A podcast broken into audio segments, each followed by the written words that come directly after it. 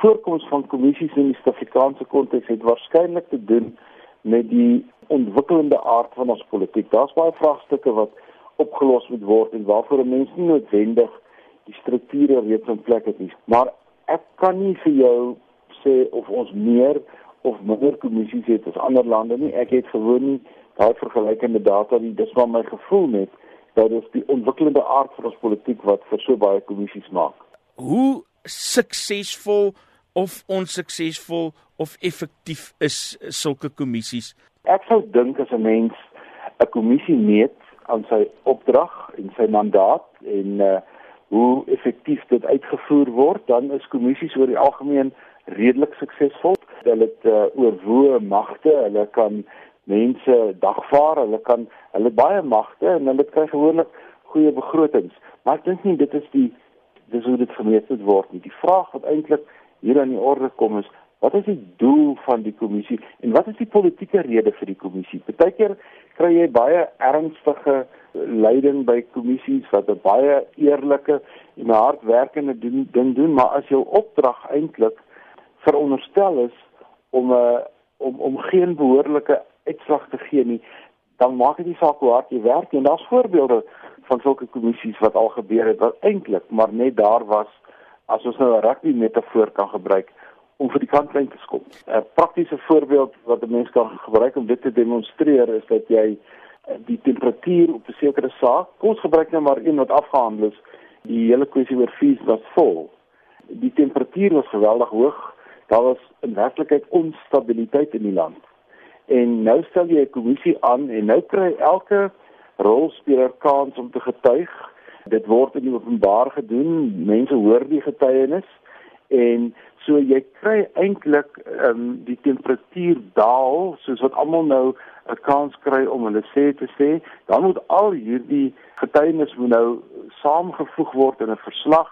Die regering kry kans om daarop te reageer en so uiteindelik word die nuus word die stel eintlik vertraag en dan uiteindelik as die verslag klaar is, dan is dit nie meer 'n kwessie nie. So in daai opsig is kommissies 'n baie suksesvolle politieke instrument speel kommissies van ondersoek in ander lande ook so 'n groot rol? Beslis ja, daar is daar baie goeie voorbeelde van hoe kommissies in ander lande ook 'n rol speel en dieselfde rol. Met ander woorde, kry die temperatuur af, kry mense om te getuig, stel 'n verslag saam, kry die regering kans om sy voete te vind en 'n en 'n behoorlike antwoord te lewer en uh die die beste voorbeeld waarna ek vinnig kan dink was waar die kommissie van ondersoek na Tony Blair en sy betrokkeheid destyds by die oorlog in in Irak saam met die Amerikaners op die onder die dekmantel van wapens van massa vernietiging sogenaamde weapons of mass destruction. En uiteindelik het dit gebleik dat daar nie sulke goed was nie. Was die bevinding van die kommissie 10 jaar na die tyd Kom ons kom by uh, die aankondiging van die minister van finansies se kommissie. Dink jy daar is 'n rede vir die tydsberekening van die kommissie? Die aankondiging rondom die kommissie wat die president nou moet aanstel eh, deur die minister van finansies, dink ek het drie oorsake. Die eerste een is natuurlik die mini-begroting wat verwys het dat daar 'n geweldige tekort is op die inkomste wat ons van SARS afkry.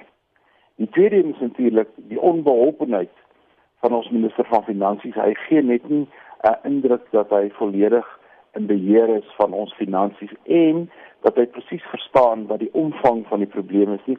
En ek dink die derde en waarskynlik die belangrikste ding is die verskyning van die boek van Jacques Pau waar SARS eintlik die hoofrolspeler in hierdie boek was en deur nou terug te gryp na die nie begroting en ander redes hoef jy nou nie direk te sê SARS is eintlik die eerste slagoffer van Jacques Pau se boek nie, maar dit is vir my geen twyfel dat die kommissie direk in verband daarmee gebring moet word om op een of ander manier uit te vind wat daar aangaan. Die ironie is die Davis Tax Kommissie het lankal reeds opdrag om na dieselfde faktore te kyk.